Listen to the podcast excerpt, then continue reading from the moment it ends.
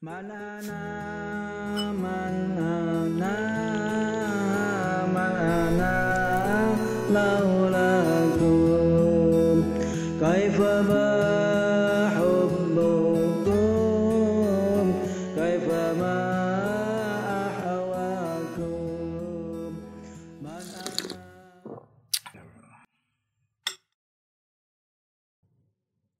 Assalamualaikum warahmatullahi.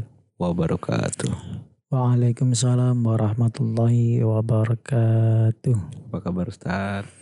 Alhamdulillah sehat walafiat dan begitu juga hendaknya para pemirsa, sahabat Sopi Ngopi yang menyaksikan buat channel YouTube kita pada kali ini. Mudah-mudahan dalam keadaan sehat walafiat. Amin ya robbal alamin. Nah, kali ini kita memasuki episode keempat nih Ustaz. Ya Alhamdulillah kita sudah mengudara. Terus mohon doanya para teman-teman sekalian. Amin. Amin. Nah, insya Allah malam ini kita akan membahas tentang ilmu. Ya, Lanjutan daripada epi- episode yang kemarin kan episode ketiga eh membahas tentang para ambia dan para para rasul. ya. Nah, ya tentulah yang dibawa oleh para rasul itu adalah Syariat yang mana dalam syariat itu ada ilmunya. ya Pak harus ada pengetahuan kan. Ya, Maka ah, maka dari itu kami malam ini mencoba untuk membahas daripada ilmu.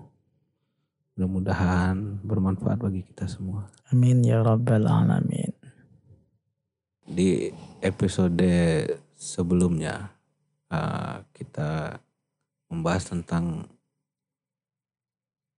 para ambia, rasul dan ah, orang-orang soleh.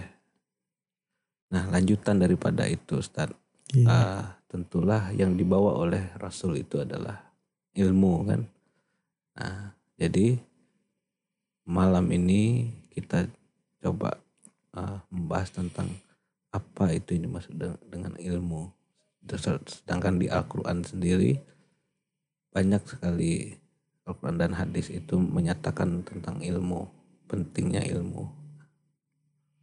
Minta tolong penjelasannya itu Ustaz. Iya. Bismillahirrahmanirrahim. Eh, jadi ilmu itu menurut bahasa kitanya pengetahuan. Jadi amal ibadah seseorang tidak akan sempurna, bahkan bisa tertolak amal ibadahnya kalau tanpa ilmu. Hmm. Nah, di situ eh, sangat pentingnya kita beribadah dilandasi dengan ilmu. Tahu, ngerti dengan ibadah-ibadah yang dilakukan. Hmm. Jadi menurut apa? Bahasa kitanya ilmu itu adalah pengetahuan. Oh pengetahuan. Ya. Nah, lalu kalau di di Al-Qur'an itu kan ada disebutkan tentang uh, ilmu. Uh, di hadis juga disebutkan tentang ilmu. Nah, ilmu yang bagaimana itu Ustaz? Ada hadisnya yang wajib untuk ilmu tuh? Nah, ya di sini ilmu yang diwajibkan oleh Allah Subhanahu wa taala untuk kita tuntut Hmm. itu adalah ilmu agama untuk bekal hidup kita di akhirat. Hmm. Nah, ini hadisnya sangat sahih, Hmm. sering kita dengar yaitu talabul ilmi faridatun ala kulli muslimin wa muslimatin. Yang maksudnya menuntut ilmu agama itu wajib atas tiap-tiap muslim laki-laki dan perempuan. Hmm. Nah, wajib di sini ini tidak bisa diwakili dengan orang lain ya, dengan individu per orang. Jadi setiap kita wajib untuk menuntut ilmu agama. Hmm. Nah, tetapi kita tidak juga mengabaikan tentang ilmu ilmu dunia. Heeh. Karena uh, dengan kita menuntut ilmu dunia bisa kita beradaptasi, bersaing hidup di dunia Ya, ini. ya karena kita masih tinggal di alam dunia kan. Ya, ya. Jadi tetap menuntut ilmu dunia. tapi juga. tidak kalah pentingnya ilmu akhirat bekal kita nanti menuju akhirat. Jadi masa depan yang sebenarnya tuh masa depan dunia atau akhirat? Masa depan yang sebenarnya itu adalah masa depan akhirat karena kita hidup di dunia ini Hanya sementara ya. hanya sementara. Nah, masa depan kita di akhirat. Jadi pengertian daripada dunia itu Dunia itu kan maknanya adalah eh, kenikmatan yang sangat dekat. hmm, Jadi habisnya kenikmatannya itu sangatlah dekat, hmm, singkat ya. singkat. Heeh. Iya. Ya artinya ilmu yang berhubungan dengan urusan akhirat itu sangat penting ya. Iya, sangatlah penting. Ya. Nah, apa saja ilmu yang yang wajib dipelajari oleh tiap-tiap muslim tadi? Jadi ada fan atau cabang-cabang ilmu yang wajib dipelajari oleh tiap-tiap eh, orang muslim individunya yaitu ada fan cabang daripada ilmu tauhid ini untuk eh, bagaimana supaya ibadah kita yang disembah itu Allah Subhanahu wa taala mengenal Hmm. Allah Subhanahu wa taala dari ibadah kita tadi uh, siapa yang kita sembah. Nah, tentu kita harus mengenal siapa itu yang kita sembah. Yakni di sini adalah Allah Subhanahu wa taala. Hmm. Jadi untuk mengenal Allah Subhanahu wa taala kita mengaji ada khusus cabang ilmu tauhid itu membahas tentang uh, asma-asma Allah, sifat-sifat Allah, afalnya Allah, perbuatannya Mhm. Allah dan para rasul. Nah, ada juga cabang fan daripada ilmu fikih Hmm. yang wajib kita ketahui ini untuk eh, bagaimana ibadah kita sesuai dengan syarat dan rukunnya. Maka orang yang beribadah eh, tanpa ilmu fikih maka tidak sah ibadahnya Eh, kenapa bisa dikatakan tidak sah? Ustaz? karena ada ketentuan syarat dan rukun di dalam ibadah itu sendiri. Oh, Gitu. contohnya kayak wudhu tuh kan, Ya, Ah, yang di dibasuh muka bukan bukan leher gitu kan. ya, ya. Terus ilmu ilmu yang ketiga yaitu cabang daripada ilmu tasawuf. Nah, ini wajib juga kita pelajari Hmm. Karena dengan ilmu tasawuf kita bisa untuk menjaga hati ya supaya ibadah kita benar-benar ikhlas karena Allah taala. Jadi ilmu ilmu tasawuf ini Hmm. intinya untuk pembersihan hati kita Oh. jangan terkotori dengan hal-hal yang lain. Hmm. Memang lillahi taala. Berarti eh, ada tiga apa ya, cabang ilmunya. yang wajib, Wajib. kita pelajari. Artinya kalau tidak dipelajari itu ada dosa situ Ustaz. Iya, karena itu perintah wajib. Syarak itu ya.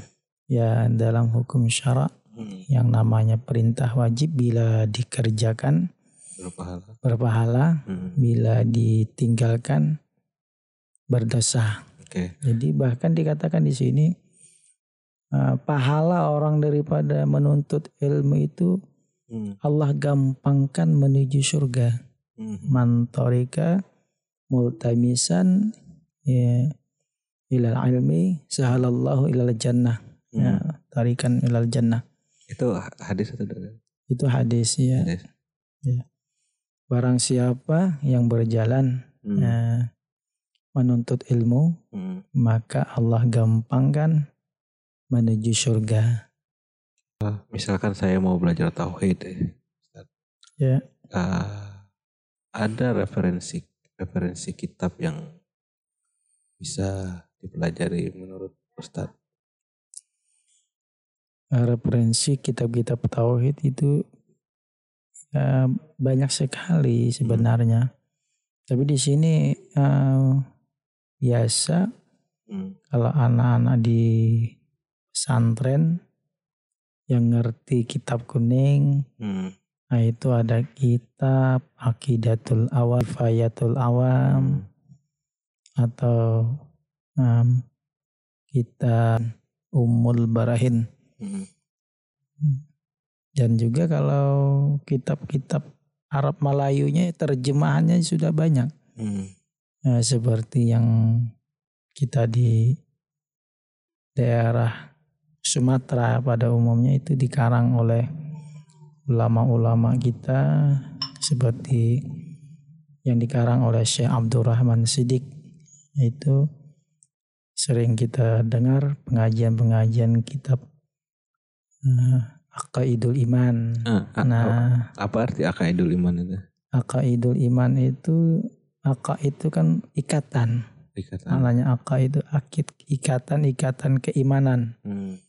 Jadi iman kita itu diikat.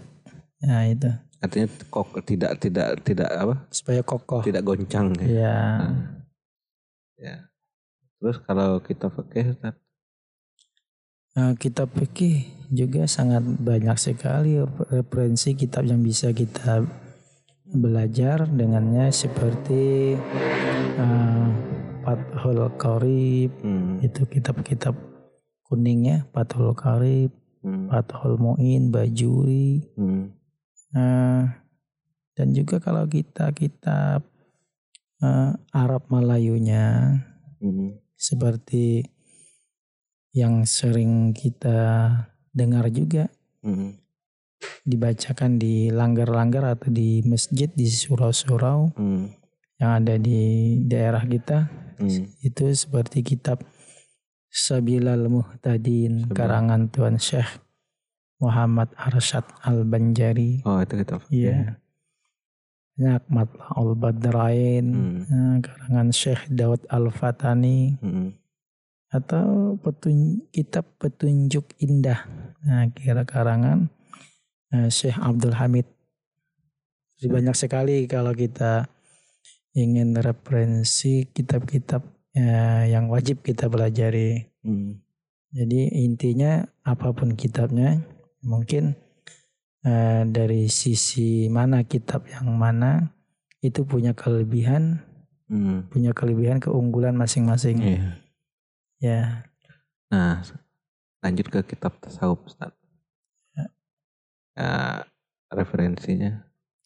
kita kitab tasawuf ini banyak diambil daripada karangan-karangan eh, Syekh eh, Imam Ghazali. Imam Al-Ghazali. Imam Al-Ghazali ya karangan beliau sangat banyak sekali dalam bidang tasawuf Eh, seperti kitab eh, Hidayatus Salikin Hmm. Hidayat Hidayatus Salikin itu kitab Melayunya kalau kitab Arab Arab Arab gundulnya atau kitab kuningnya Bidayatus Salikin Hmm. Nah Bidayatul Hidayah ini ya Bidayatul Hidayah. Bidayatul Hidayah atau eh, Ihya Ulumuddin. Nah ini yang sering dibacakan oleh ulama-ulama kita. Ihya Ulumuddin. Hmm. Nah, eh, tadi kan sudah dibahas tentang eh, referensi kitab. Ya, Nah, bagaimana sekarang kan kalau kita membaca sendiri kitab itu kan tidak bisa Ustaz. ya umumnya yang yang yang ngaji kitab-kitab gundul ini yang bisa membaca itu Hmm. yang anak-anak yang pernah belajar ilmu alat, nahu dan sorab. Nah, nah, itu kan tentulah kalau misalkan kita mau mempelajari sesuatu itu uh, tentu ada yang membimbing ya. Iya, iya. Nah, boleh tidak orang membaca kitab dan menelaah sendiri dengan logikanya sendiri?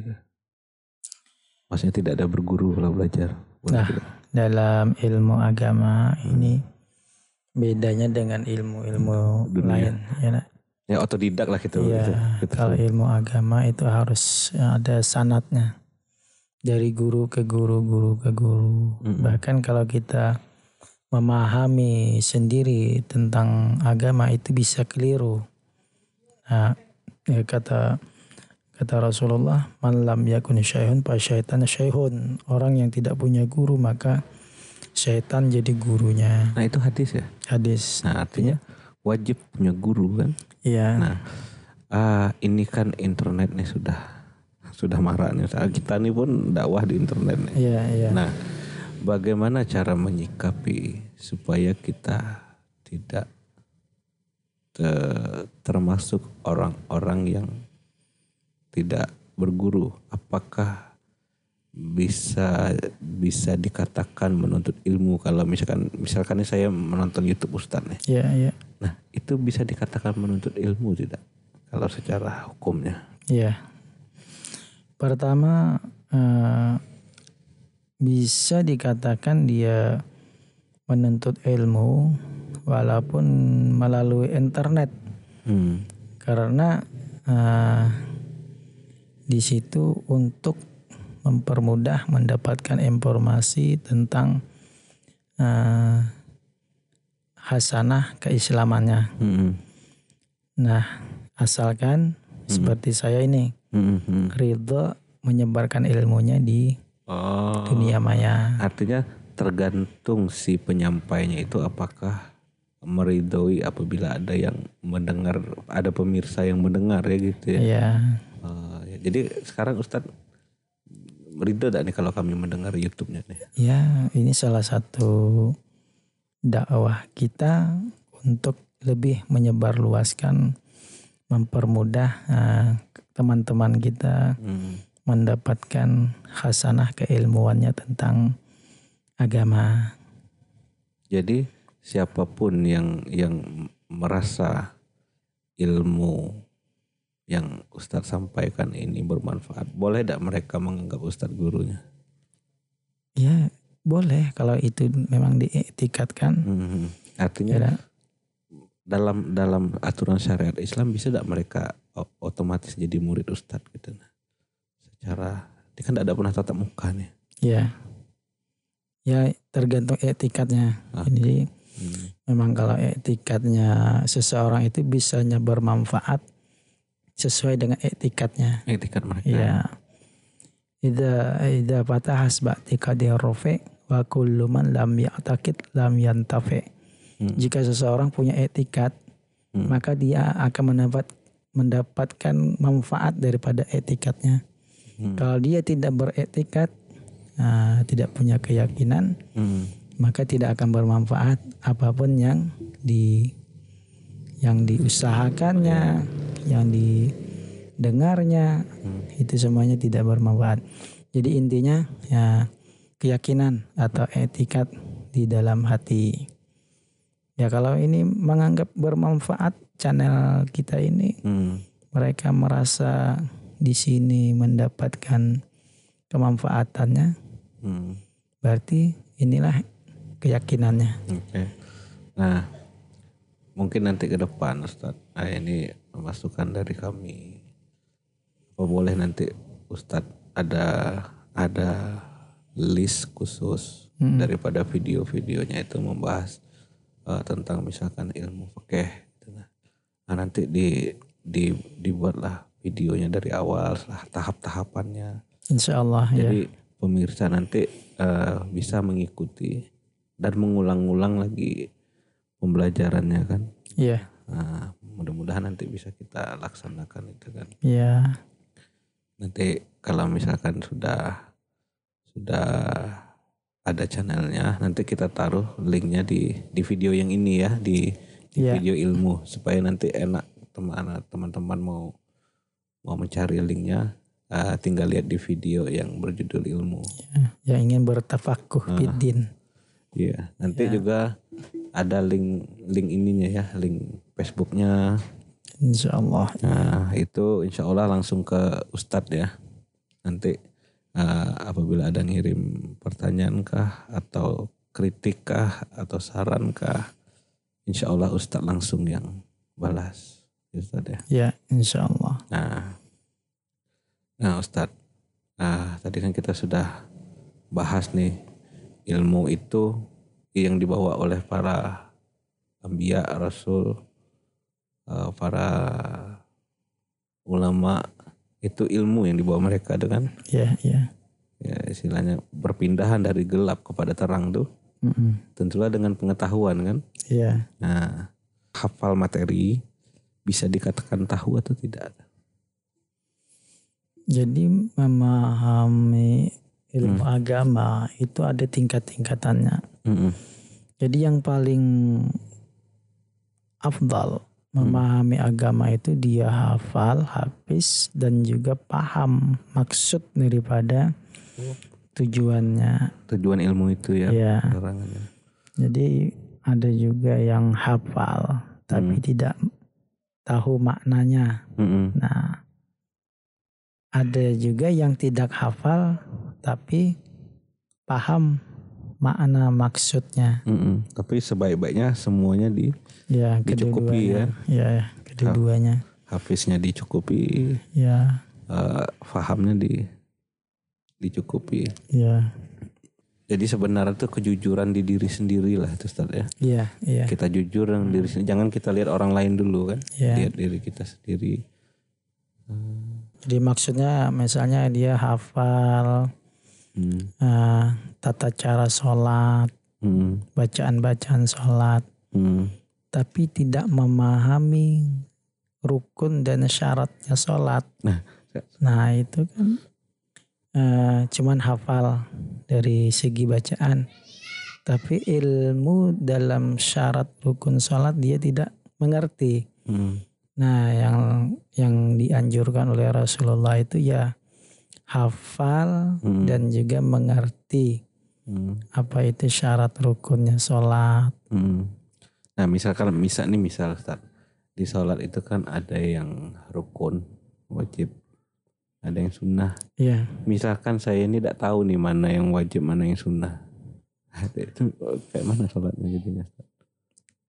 nah itu pembahasannya dari Ah, ilmu fikih. ah, ya. itu ilmu fikih ya. Jadi dalam ilmu fikih itu memang wajib kita mengetahui syarat dan rukunnya sholat Hmm, dan juga pekerjaan-pekerjaan sunnah di dalam sholat. hmm, Nah, jikalau di situ juga dikatakan hmm, jikalau kita tidak bisa membedakan mana yang wajib, mana yang sunnah, ya kita etikatkan aja semuanya wajib. Itu Ya, boleh dia? Boleh. Karena eh, sunnah itu gugur kalau kita etikatkan wajib. Nah, gitu. Ah, Tapi kalau kita etikatkan sunnah Ah. tidak menggugurkan yang wajib. ah. Maka Tidak boleh. tapi berarti tetap harus diketahui mana yang Iya. wajib itu dulu ya. Iya. Mana yang wajib dalam dalam sebuah rukun tuh Hmm. itu mesti kita sadari. Iya, iya. Hmm. Sekarang gini misalkan ah anu contoh lah bacaan waktu kita sujud ah subhana rabbiyal a'la wa bihamdi. Iya. Nah itu wajib atau sunnah? Nah, itu bacaan sunnah. Nah kan kalau dalam ini saya pribadi nih Ustaz, Iya, iya. itu terasa wajib yang kayak gitu tuh. Iya. Kalau tidak dilakukan tidak tidak sah gitu nah. Iya, itu sunnah dalam sholat. Nah, jadi kan artinya perlu kita ketahui mana yang yang yang yang wajib. Iya, Karena kalau tidak dilakukan batal gitu kan. iya, iya. Nah, sudah tuh dalam sholat tuh ada sujud dengan tumak eh, rukuk dengan tumak ninah gitu nah. Iya. Pengertian daripada tumak ninah saya dulu saya tidak tahu gitu nah. Tumak ninah itu kan bagian daripada rukun sholat. Jika meninggal tumak ninah di dalam sholat, Hmm. maka dia tidak mengerjakan salah satu rukun sholat. Hmm. Artinya sholatnya tidak sah karena meninggalkan rukunnya sholat. Jadi tumak nina itu sendiri artinya berdiam sebentar perpindahan dari rukun ke rukun. Hmm. Misalnya dari berdiri setelah baca fatihah, ya Hmm. baca surah, rukuk. Hmm. Nah bangkit dari rukuk itu kan Ada Ber- perpindahan ya. ada perpindahan dari rukuk ke berdiri betul lagi. Heeh. Itu di situ di antaranya itu ada Tumak nina. tumak nina. Nah artinya berdiam sebentar. Hmm. Nah, artinya tumak nina ini mengerjakan sembahyang itu tidak tergesa-gesa. Ya. Ada ada batasan-batasan ketika sembahyang itu tidak boleh Buru-buru. terlalu cepat. Artinya kan seperti tadi tumak ninah itu adalah sebuah rukun dalam sholat. Iya. Ah, sedangkan kalau kayak saya sendiri misalkan tidak mengetahui apa itu tumak ninah, tapi saya sholat terus. Gimana jadinya sholat Beribadah tanpa ilmu? tanpa ilmu Ah. ibadahnya tidak sempurna. Di dalam kitab Zubat itu Syekh Ibnu Ruslan mengatakan ah, Pama ya'mal bi ghairi ilmin a'maluhu mardudatun la tuqbalu. Hmm. Barang siapa beramal tanpa ilmu, Hmm. amalnya ditolak dan Ya. tidak diterima. Syaratnya tidak cukup. Ya, Misalkan kayak kayak orang ada contoh ikhtibariyun. Misalkan saya mau melamar pekerjaan harus S1 gitu nah. Tapi Iya. saya cuma tamat SMA. Belum sampai anunya sudah gugur kan iya, iya. bahannya. Macam mana mau diterima anunya pengajuannya kan? Iya, Nah, Itulah berbahayanya kalau kita tidak mengetahui kelalaian dalam ketidaktahuan dalam dalam ibadah. Nah, jadi me- menurut siapa tadi Ustaz yang Syekh Ibnu Ruslan. Asy Ibnu Ruslan? Wa kullu may ya'malu bi ghairi ilmin a'maluhu mardudatun Hmm. la tuqbalu. Hmm. Maksudnya barang siapa beramal dengan tanpa ilmu, Hmm. maka amalnya tidak diterima alias ditolak. Hmm. Jadi yang dapatnya cuma capek. Capek. Iya. Entahlah berat rasanya jalan ibadah. Apa Nah tuh? sekarang itu kita lihat banyak orang hijrah semangat beribadah Hmm. tapi tidak bersemangat menuntut ilmunya. Nah itu Nah, tersesat di jalan yang benar. Nah. Dia sudah bagus ibadahnya rajin, tekadnya ada kan? tekadnya ada, tapi tidak ah, semangat dalam menuntut Nah. ilmunya.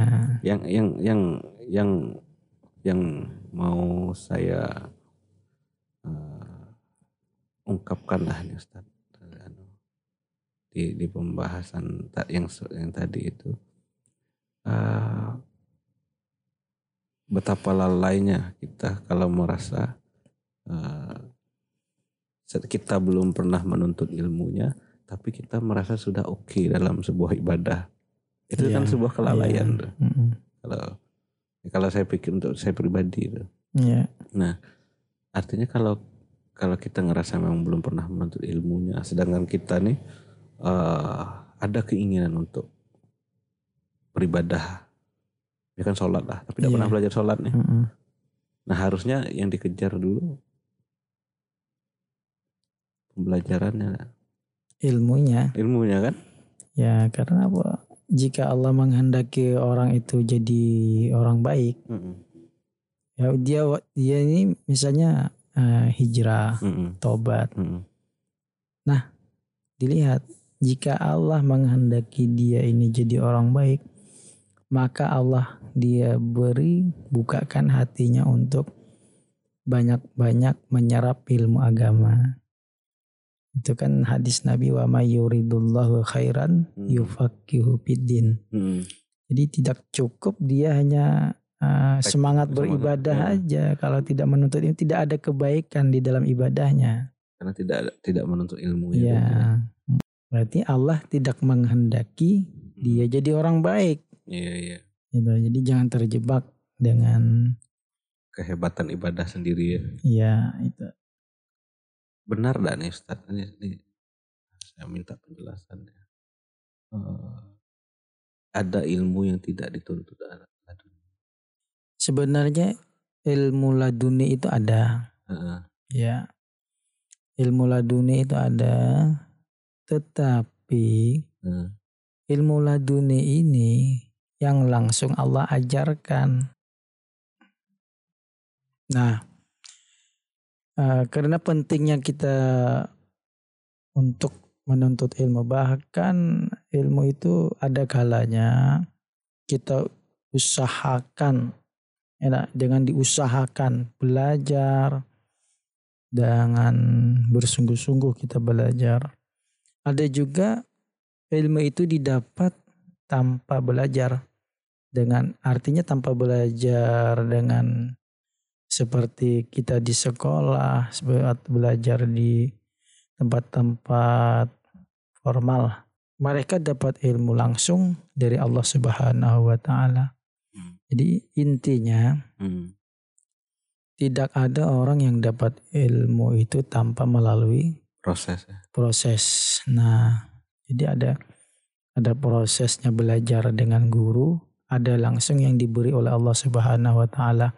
Tetapi yang diberi langsung oleh Allah Subhanahu wa taala ini namanya ilmu laduni ini sangat langka. Tidak semua orang. Tidak semua orang mungkin dalam seribu itu satu pun payah dicari. Nah, jadi kita ke apa? Nah, kembali kepada perkataan Imam Syafi'i Heeh. bahwa bu- eh, beliau mengatakan eh, ta'alam falaisal mar'u yuladu aliman Hmm. tuntutlah ilmu karena tidak ada orang itu dilahirkan dalam keadaan alim nah Hmm. begitu juga orang yang dapat ilmu laduni ada proses Hmm. tidak ada orang yang dilahirkan langsung alim Mhm. Nah, cuman prosesnya beda-beda. Ada yang belajar, ada yang Hmm. lang- diberi oleh Allah Subhanahu wa taala dibukakan dia pengetahuan langsung oleh Allah Hmm. Subhanahu wa taala. Ini yang dinamakan ilmu laduni. Ya, maksudnya itu makanya saya tanyakan itu Ustaz. Takutnya misalnya saya nih, saya berlogika, logika, logika, logika, menelaah sendiri dengan logika saya, tahu-tahu ah inilah dunia ini, gitu. Iya. Nah dikhawatirkan kayak gitu. Kita ngerasa kita, wah aku sudah tahu, sudah tahu. Syaratnya orang mendapatkan ilmu laduni itu tidaklah ringan, berat sebenarnya. Hmm. Pertama dia orang yang dekat kepada Allah. Oh, sudah Jiwanya bersih. sudah dekat dulu ya. Iya, prosesnya dia berat. Hmm. Itu ya tingkatan-tingkatan para nabi, para wali. Iya iya. Ya, ya kalau kita mungkin jarang lah dapat seperti itu, karena tidak akan bisa dapat ilmu laduni kalau orang itu masih melakukan dosa-dosa, masih bermaksiat kepada Allah. Ya masih inilah Iya. masih apa? Fasik lah. Ya, Nah jadi ingat anu kit- kita semua jangan jangan ngerasa kita laduni. berat ya. Takutnya itu hanya sebuah kelak tipu daya ya. Sehingga kita malas untuk menuntut ilmu karena merasa pintar dengan logika kita sendiri lalu mengira itu laduni kan. Iya, iya. Kuncinya mau dapat ilmu laduni itu pertama harus bersih, jiwa raga.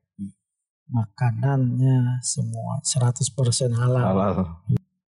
Untuk memperoleh ilmu itu tidak terlepas daripada adab-adabnya. Jadi Hmm. orang yang tidak beradab maka tidak akan bisa dia memperoleh ilmu yang bermanfaat. Hmm. Nah, salah satu adab-adab dalam menuntut ilmu pertama luruskan niat lillahi taala. Hmm. Jadi dalam segala hal ibadah kita memang disuruh untuk eh, niat dengan ikhlas lillahi taala. Karena ini menyangkut ibadah. Hmm. ilmu ini juga menyangkut ibadah. Sebagaimana Allah Subhanahu wa taala berfirman itu menyuruh kita ikhlas di dalam semua ibadah. Hmm. Dalam surah Al-Bayyinah uh, ayat 5 Allah Subhanahu wa taala berfirman wa ma umiru illa liya'budullah mukhlishina lahuddin. Hmm. dan tidaklah kamu diperintahkan di dalam menyembah Allah kecuali apa? Dalam keadaan ikhlas mukhlisin. Oh mukhlisin ya. Illa liya'buduna mukhlisin. Hmm. illa liya'budullah mukhlisin. Kecuali menyembah Allah beribadah kepada Allah Hmm. itu hal keadaannya ikhlas Oke. nah karena di sini Menuntut ilmu. menuntut ilmu itu termasuk ibadah Hmm. ibadah itu ada nilai pahala bila Hmm. dikerjakan itu harus dengan ikhlas jadi tidak karena materi atau karena hal-hal Hmm. keduniaan Hmm. Nanti aku nuntut ilmu agar dimuliakan orang dihormati orang mendapat kedudukan nah itu tidak ikhlas karena Allah Ta'ala Itu bukan sebuah keikhlasan. Iya. gitu ya. Jadi intinya apa pun uh, alasan daripada menuntut ilmu ikhlas karena Allah Subhanahu wa taala tidak karena yang lain-lain apalagi hal-hal keduniaan. Hmm. Terus lagi termasuk adab daripada menuntut ilmu ketika di dalam menuntut ilmu kita selalu berdoa kepada Allah. Hmm. Nah, sehingga para ulama-ulama dahulu itu menganjurkan jangan melupakan berdoa ketika menuntut ilmu. Banyak doa-doa yang diajarkan nah, para ulama dahulu tentang doa-doa hendak menuntut ilmu. Dari kita sekolah PAUD atau TK saja sudah diajarkan Hmm. doa-doa menuntut ilmu. Ini termasuk adabnya juga. Nah, dan jangan lupa bersungguh-sungguh di dalam menuntut ilmu. Nah, jadi doa tadi ada bagi ada juga yang syair, Hmm. ya. Misalnya Allahumma fa'ni bima alam tani wa wafiqni bima yanfa'uni Hmm. Rabbi zidni ilman nafi'a wa wafiqni amalan makbula. Nah, ada juga eh, Allahumma rabbi zidni ya. Allahumma rabbi zidni ilman warzuqni fahman Hmm. ya arhamar rahimin. Macam-macam Hmm. doanya. Nah, sudah berdoa baru kita bersungguh-sungguh di dalam menuntut ilmu. Hmm. berhimmah keinginan yang kuat untuk mendapatkan ilmu. Jadi kita boleh merasa iri dengan orang-orang yang bisa. Kok orang itu bisa, kita juga harus bisa. Hmm. Nah, di dalam ilmu itu tidak dilarang kita iri dengan orang yang punya ilmu. Ya, kayak berlomba-lomba lah gitu Ya, ya. berlomba-lomba. Hmm. adab yang terpenting lagi itu adalah menjauhi daripada maksiat Ah. ya dalam menuntut ilmu. Nah, karena apa? Kata Allah Subhanahu wa taala dalam Al-Qur'an Hmm. al-ilmu nurun ya. Hmm. Nah, ilmu itu adalah cahaya nurun ala nur. Nah, itu kan nur. Hmm. Nurun ala nur. Ilmu itu adalah cahaya di atas cahaya. Nah, ilmu tidak akan bisa didapat bagi orang-orang yang berbuat maksiat. Nah, maksiat di situ apakah hanya maksiat zahir kah atau maksiat hati juga termasuk? Ya Penyakit hati lah, itu apa termasuk? lengkap Lengkap itu, berarti masuk semua Iya. dia. Baik Mas. umum itu kan. Umum. Iya. Terus eh, menghilangkan kesombongan ketika menuntut ilmu. Mm-mm. Tidak boleh sombong, takabur. Itu. Mer- Merasa hebat. Ya merasa hebat. Karena kata kata eh, Imam Mujahid Hmm. ya, dalam makalahnya la yata'allam al-ilma mustahyi wala mustakbir. Ilmu itu tidak akan janganlah kamu menuntut ilmu Hmm. Dalam keadaan pemalu. Pemalu ini tidak mau bertanya masalah-masalah eh, ketika dia Tidak tidak tahu sesuatu. paham, malu bertanya.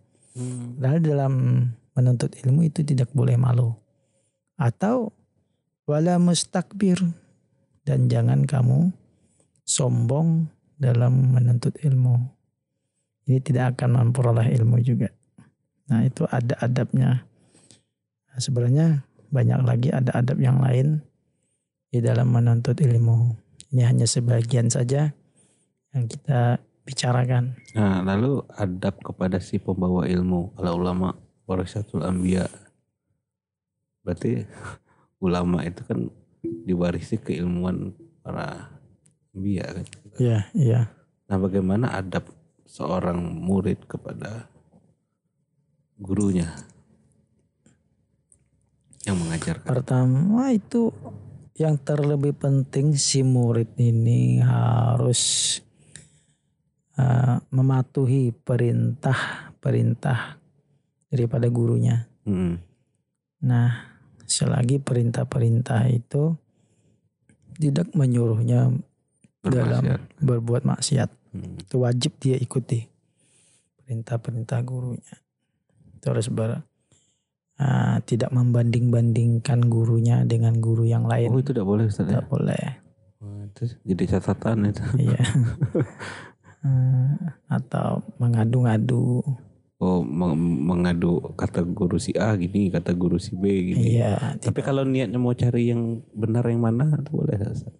Ya, berarti kurang yakin dengan gurunya. Oh, ya harus iya, iya. yakin Iya iya iya. bahwa gurunya itu adalah orang yang berilmu dan punya kelebihan Nah, di sisi Allah Subhanahu. Mantap, artinya mantap dengan gurunya. ya artinya jangan ragu-ragu lah mau Iya. belajar. udah. Mm. Cuma terkadang tuh gini kan.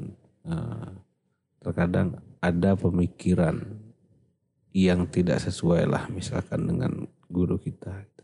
Tidak sesuai ya, ya ada argumen lah gitu. Mm. Nah itu apa yang harus dilakukan? Apakah eh, bertanya detail atau bagaimana? Adab kita sebagai seorang murid di hadapan guru itu tidak banyak eh, apa bertanya hal-hal yang tidak penting Oh, kecuali yang Iya. memang yang dibutuhkan. ya kecuali yang dibutuhkan beda kita dengan teman Hmm. bisa seenaknya ngobrol Iya, iya, iya. itu ya bahkan di dalam kitab-kitab adab-adab itu kita tidak berbicara kecuali diajak Hmm. berbicara Hmm. jadi memang banyak mendengar lah kalau di Ah. hadapan guru Iya, iya. banyak Artinya- mendengar Berarti ad- ad- ada situ eh, adab yang mesti di, iya di- iya. bukan semau kita gitu ya. iya jadi apalagi di beradu argumen dengan gurunya Iya, ya iya. ini memang tidak suul adab namanya Nah, nah nah itu kan yang perlu diketahui sebenarnya kepada oleh murid-murid yang Ya. ingin menuntut ilmu kepada gurunya. kan. jadi tidaklah dikatakan dia seorang guru Hmm. kalau tidak membangkitkan dia beribadah ke- Hmm. kepada Allah Subhanahu wa taala. Hmm. Kalau dia menyuruh "Ah, kamu jangan sholat, jangan puasa. Hmm. Nah, ini kan tidak membangkitkan semangat kita beribadah kepada Hmm. Allah. Hmm. Nah, itu ya tidak bisa kita benarkan. Iya, iya. intinya guru itu tidak memerintahkan kita berbuat maksiat atau melanggar apa perintah-perintah Allah. Oke, jadi mudah-mudahan uh, apa yang kita bahas malam ini bermanfaat bagi kita semua. Iya, amin. Dari dari awal tadi Ustadz sudah menjelaskan tentang apa itu pengertian ilmu, lalu uh, kategori daripada ilmu yang wajib dipelajari. Iya. Lalu tadi bahas juga ada ilmu yang dituntut yang tidak dituntut supaya tidak salah paham ya. Iya. Nah inti daripada semua itu uh, marilah kita sama-sama menjaga agar tidak lalai daripada ketidaktahuan sesuatu dalam ibadah ya Ustaz ya. Iya. Jaga iya. diri daripada kelalaian. Jadi intinya jangan merasa aman. jangan merasa aman ya. Daripada perbuatan ibadah itu tadi. Mm. Jangan berlindung di balik amal ya. Iya. Ya, Dan juga tadi betapa mulianya ilmu itu sehingga ada adab yang mesti kita jaga atas yeah, yeah. ilmu itu. Karena Nabi tidak mewariskan harta kepada kita, yang diwariskan Nabi adalah ilmu. ilmu. Itu. Tentulah apa yang disampaikan Rasul itu menjadi ilmu ya. Iya. Nah, itulah penerang bagi kehidupan kita kan. Mudah-mudahan ini jadi manfaat bagi kita semua. Amin. Wabillahi taufiq wal hidayah. Wassalamualaikum warahmatullahi wabarakatuh.